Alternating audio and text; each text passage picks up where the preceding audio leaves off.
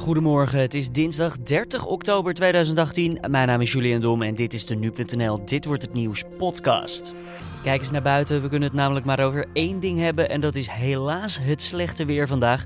Na zomeren is namelijk echt voorbij en het is tijd voor warme truien. En helaas ook misschien tijd voor een westerstorm. Ook praten we met schrijver Michel van Egmond over het vervolg van zijn bestseller Kieft. Dat boek kwam uit in 2014. Daarin werd een andere kant van topvoetballer Wim Kieft uitgelicht. Een van cocaïne en alcoholverslaving en financiële schulden. Vandaag wordt het boek Kieft de terugkeer uitgebracht. En in het boek staat eigenlijk één vraag centraal. Hoe gaat het nu met Wim Kieft? Op het moment dat mijn boek af is, zo'n leven gaat door. En, uh, en met name het leven van Wim Kieft, wat we toch wel turbulent kunnen noemen. Daar is in de afgelopen eh, vier jaar, uh, vond ik, was daar genoeg gebeurd om daar nog eens op papier op terug te komen. Maar we beginnen zoals altijd met het belangrijkste nieuws van nu. De komende vijf jaren sta je langer in de file als je reist over de snelweg. Dat staat in een rapport van Kennisinstituut Mobiliteit. Het reistijdverlies, zoals dat zo mooi heet, kan tussen nu en 2023 met meer dan een derde toenemen, ondanks de capaciteitsgroei van het wegennet. Als reden voor de toenemende drukte wordt de economische groei genoemd. Voor uitbreiding van het wegennet is in totaal 20 miljard euro gereserveerd voor de komende jaren. En tussen nu en 2030 komt er dan ook ruim 1000 kilometer aan extra rijstroken bij in Nederland. Maar ook op het spoor wordt het drukker. In totaal zal daar het aantal afgelegde treinkilometers met 14% toenemen in de komende jaren. En daarmee wordt de stijgende lijn van de afgelopen jaren weer doorgezet. De populaties wilde dieren zijn sinds 1970 met gemiddeld 60% gedaald. Als hoofdoorzaak noemt het Wereld Natuurfonds de menselijke activiteiten. Vooral oprukkende landbouw en overbevissing zijn grote problemen voor wilde dieren. Ook tropische regenwouden blijven onder druk staan. In 50 jaar tijd is ruim een vijfde deel van de Amazone verdwenen door de bouw van stuwdammen en irrigatie en inpoldering voor de landbouw. De prijs van boodschappen gaat de komende jaren flink omhoog. Als consument betaal je gemiddeld meer om de milieueffecten van de landbouw op te vangen. Dat meldt het economische bureau van de ABN AMRO, al dus de Telegraaf. En de Amerikaanse president Donald Trump stuurt meer dan 5000 soldaten naar de grens bij Mexico. Met de troepenmacht moet de illegale migratie beperkt worden. Trump besloot tot de actie na berichtgeving over migranten die vanuit Zuid-Amerika onderweg zijn naar de Verenigde Staten. De groep bestaat uit duizenden mensen die naar verwachting deze week aankomen bij de grens. De soldaten hebben onder de huidige wet niet de bevoegdheid om migranten ook daadwerkelijk fysiek te weren, te arresteren of vast te houden. Wel kunnen ze ondersteunende taken uitvoeren, zoals bijvoorbeeld verkenningsvluchten. En dan de interviews van vandaag, oftewel dit wordt het nieuws. Het is nog flink wennen waarschijnlijk. Die koude temperaturen, zeker soms onder de 10 graden. Na zomeren is, zoals ik al zei, helemaal voorbij. Het weerbeeld van de afgelopen dagen was om die reden dan ook vrij eentonig, grijs en koud. En vandaag dan ook nog eens mogelijk kans op een westerstorm. Maar hoe groot is die kans? Dat vroeg collega Carne van der Brink aan Ben Langkamp van Weerplaza. Nou, zo heftig gaat het uh, morgen echt uh, niet worden. Het wordt wel een echt natte en onstuimige herfstdag. En uh, ja, tot nu toe was de herfst ook net als de zomer droog en, en vrij rustig. Maar dat gaat dus veranderen. Een lage drukgebied komt vanuit het Alpengebied onze kant op. En de, de ochtendspits verloopt al erg nat, zeker in het zuiden en westen van het land, ook in de Randstad. Met daarbij al, al flink wat wind. Dan wordt het in de middag eventjes wat rustiger, maar aan het einde van de middag volgt dan opnieuw een flink regengebied wat van zuid naar noord over het land trekt. En uh, ja, dan komen we uh, met dit onstuimige weer te maken. Aan de westkust komt een uh, harde tot stormachtige wind zelfs te staan. Dat is windkracht 7 tot 8.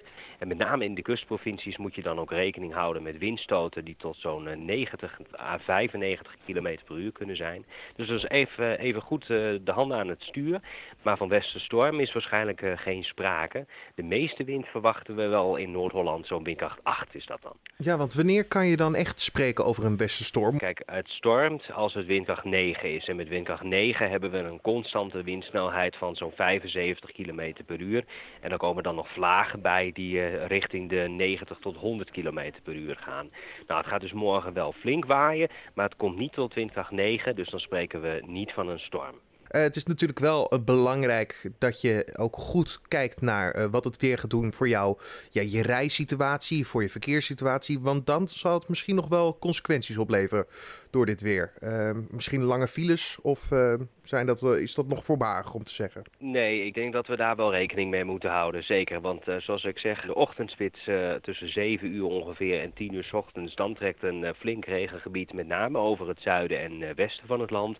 En dan hebben we het echt over zo'n 20 tot 30 millimeter regen. En ja, ter vergelijk dat is ongeveer een derde tot de helft van wat er normaal in de hele maand valt.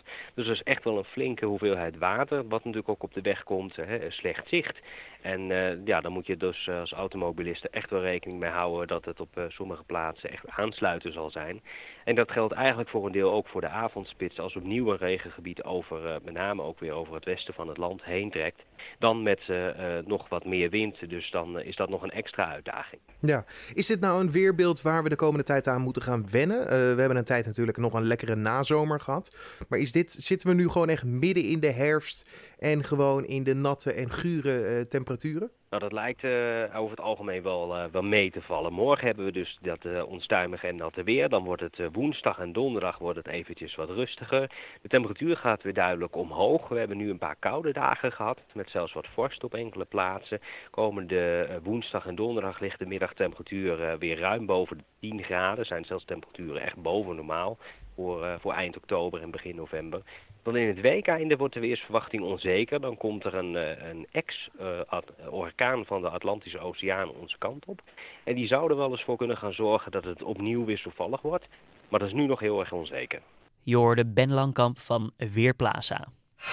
Vier jaar geleden maakten we kennis met de duistere kant van de Nederlandse voetballer en analist Wim Kieft.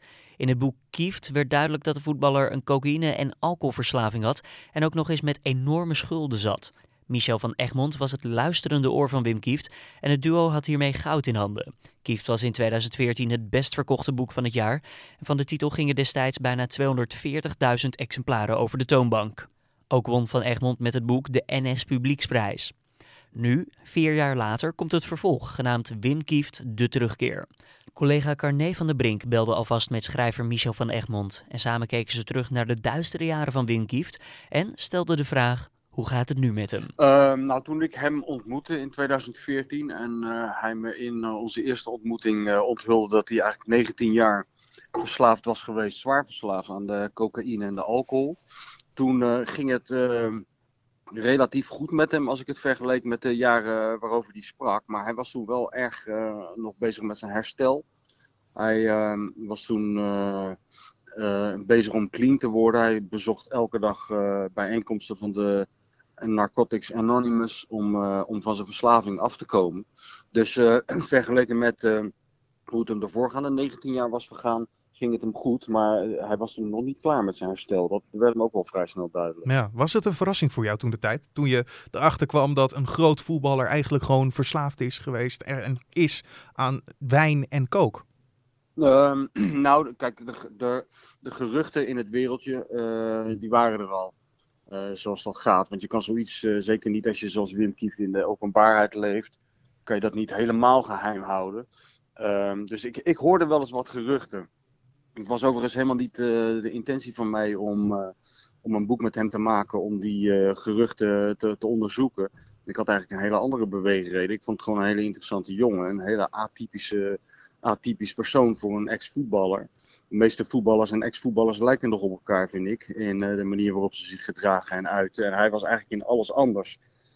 Dus dat was eigenlijk in eerste instantie de trigger voor mij om eens een keer met hem te gaan praten. En te kijken of we een boek konden maken. In eerste instantie hield hij dat af. Uh, en later zei hij, nou ja, misschien moeten we toch eens een keer koffie drinken om te gaan praten. En toen gingen we zitten.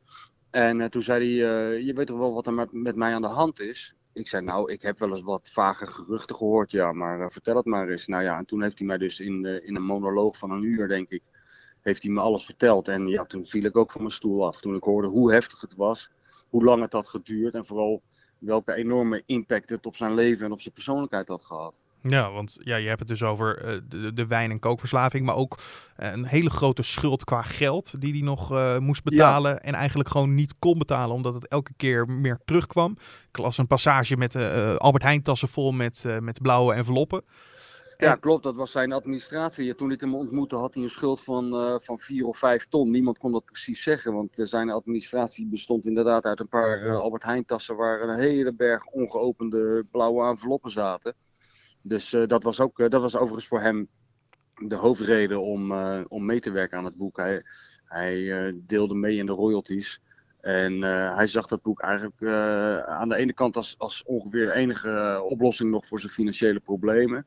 En aan de andere kant denk ik dat hij, weet ik eigenlijk wel zeker, dat, dat het moment daar was om, om het te gaan vertellen en er echt iets aan te gaan doen. Hij heeft het ook later als een enorme opluchting ervaren. Dat heel Nederland het op, uh, opeens wist. Ja. Dus dat waren eigenlijk zijn twee redenen om eraan mee te werken. Ja, want na het uitkomen van het boek, of net daarvoor, was hij niet gelijk clean. Uh, zelf zegt hij nu, vier jaar later, realiseer ik me dat ik de bodem van de put nog niet had gezien na Kieft. Ik moest nog dieper vallen, zoals hij in een interview. Um, ja, ja, nu dus de terugkeer. Hoe, hoe is het nu met Wim Kieft? Nou, een stuk beter dan, uh, dan vier jaar geleden. Um, kijk, dat gevecht tegen die verslaving, dat blijft uh, je hele leven. Dat wist hij ook en dat, dat, dat realiseert hij zich heel goed. Dus het is, het is hard werken om, uh, om die, om, om, om, ja, om die de demonen in zijn hoofd uh, onder controle te krijgen. Maar kijk, als ik het vergelijk met, uh, met die eerste ontmoeting met hem in 2014, dan gaat dat hartstikke goed. Want dat boek, het verschijnen van het boek en het succes ervan heeft hem heel veel goed gedaan. Niet alleen in financiële zin, zijn schulden zijn erdoor opgelost. Ook uh, dankzij de hulp van uh, spelersmakelaar Rob Jansen trouwens. En nog een aantal mensen mhm. die hem uh, op de achtergrond hebben geholpen. Maar ehm, hij is zelf ook heel erg opgeknapt. Hij is weer terug bij de, bij de moeder van zijn jongste kind. hij heeft vast werk. Hij wordt daarom gewaardeerd. hij leeft gezond. En hij begint gewoon langzaam weer de oude Wim Kief te worden. Dat merk je eigenlijk aan alles. Dus het gaat uh, wat dat betreft hartstikke goed. Met dus eigenlijk kan je wel zeggen dat dat boek uit 2014 en dan jouw pen ook wel eens een soort als een reddende engel kwam. Nou ja, maar reddende engel is een beetje, een beetje, beetje, beetje overdreven, denk ik. Hij heeft het voornamelijk heel erg zelf gedaan. Mm uh, zelf zegt hij in het tweede boek dat uh, die NA, die Narcotics Anonymous, dat dat echt letterlijk zijn leven heeft gerecht, gered. Omdat hij daar eigenlijk dankzij die, die dagelijkse meetings de gereedschappen heeft aangereikt gekregen om uh, die verslaving te lijf te gaan. Maar het valt niet te ontkennen dat, de, dat de verschijning van dat boek en het succes ervan en, en ook met name de positieve reacties op dat boek en op zijn verhaal en op zijn eerlijkheid en openhartigheid, dat dat wel een, uh, een cruciaal punt in zijn leven is geweest. Dat echt wel een kantelpunt, dat durf ik wel te zeggen. Ja, ja je bent gek op vervolgverhalen. Je hebt van Grijp heb je al, René van de Grijp heb je al een tweede boek mm. geschreven. Uh, natuurlijk ook van Voetbal Insight, uh, Voetbal International, VI Oranje. Er zijn twee boeken nu van uitgekomen. Wim Kieft dus nu twee boeken. Ja, ja, wat gaat er binnenkort komen? Komt er een, een, een trilogie van iets? Of ga je met iets compleet anders komen? Nou, ik weet dat nog niet eerlijk gezegd. Ik ben, uh, ben blij dat ik uh, dit project overleefd heb. Dus ik ben even aan het uitrusten ervan. Maar het feit dat ik, uh, dat ik vaak een deel 2 maak, dat, dat heeft ook een beetje te maken met mijn werkwijze. Kijk, ik word vaak omschreven als de biograaf van Wim Kieft of de biograaf van René van der Gijp. Maar zelf zie ik die boeken die ik schrijf niet echt als biografieën. althans niet in de klassieke zin van het woord. Kijk, als ik nou in 2014 een, een, een biografie over Wim Kieft had geschreven, waarin ik begon bij zijn kinderjaren en alles doorliep en alles wat ik over hem wist erin had gezet, dan zou het een beetje gek zijn om vier jaar later met nog zo'n boek te komen. Maar ja. wat, ik, wat ik meestal doe, uh, is ik verschijn in iemands, in iemands leven op een bepaald moment. Uh, ik loop een tijdje mee in dat leven en ik, ik, ik, loop eigenlijk net zo lang mee totdat ik genoeg informatie heb om die periode in iemands leven te beschrijven en dan een beetje lijn in te krijgen. En, uh, en ja, als je dat doet, dan, dan vind ik het bijna logisch om later dan nog eens een keer bij terug te keren. Want zo'n leven houdt natuurlijk, houdt natuurlijk niet op op het moment dat mijn boek af is. Zo'n leven gaat door. En, uh, en met name het leven van Wim Kieft, wat we toch wel turbulent kunnen noemen. Daar is in de afgelopen vier jaar, vond ik, was daar genoeg gebeurd om daar nog eens op papier op terug te komen. Dus dat is eigenlijk de reden dat ik, dat ik vaak met een deel 2 kom. Je hoorde Michel van Egmond, schrijver van het boek Kieft, De Terugkeer. Ben je benieuwd geworden naar hoe het nu gaat met de ex-voetballer en hoe hij teruggaat naar zijn voetbalglorietijden? Nou, dat komt eigenlijk best wel goed uit, want we mogen twee exemplaren weggeven. Je hoeft alleen een mailtje te sturen naar podcast.nu.nl en onder de beste redenen om te winnen verloten wij beide boeken. De winnaars krijgen uiterlijk aan het eind van de week bericht. Dan nog even het weer voor deze 30ste van oktober. Ochtends lokaal wat kans op mist en het wordt dus zeer, zeer, zeer regenachtig vandaag. Met middagtemperaturen tussen de 6 en 9 graden. In de loop van de dag kan het aan de kust stormachtig gaan waaien met windkracht 7 tot 8. En windstoten kunnen daarbij gepaard gaan van 80 km per uur. En dan vlak voor het einde van deze podcast nog even goed nieuws over ja, zwanger worden. Moeders kunnen namelijk het beste zo'n 12 maanden laten zitten tussen de bevalling en opnieuw zwanger worden. Dat blijkt uit nieuw onderzoek waarover de BBC vandaag schrijft. Volgens de wetenschappers zijn de resultaten vooral positief voor vrouwen boven de 35 jaar, omdat zij zo sneller achter elkaar een kind zouden kunnen krijgen zonder risico. Een tussenperiode van minimaal 12 maanden verkleint namelijk de kans op risico's voor zowel de moeder als het kind. Voor het onderzoek zijn 150.000 zwangerschappen bekeken in Canada. Daarbij maken de wetenschappers dan ook wel de kanttekening dat het onduidelijk is in hoeverre de resultaten toe te passen zijn in andere landen. Dit was dan de Dit wordt het nieuws podcast van deze dinsdag 30 oktober. De podcast is zoals altijd elke maandag tot en met vrijdag om 6 uur ochtends te vinden op de voorpagina van nu.nl. Wat vond je van de uitzending? Laat het ons weten via podcast.nu.nl of laat een reactie achter in je eigen favoriete podcast app. Mijn naam is Julian Dom. Voor nu een hele fijne dinsdag en tot morgen.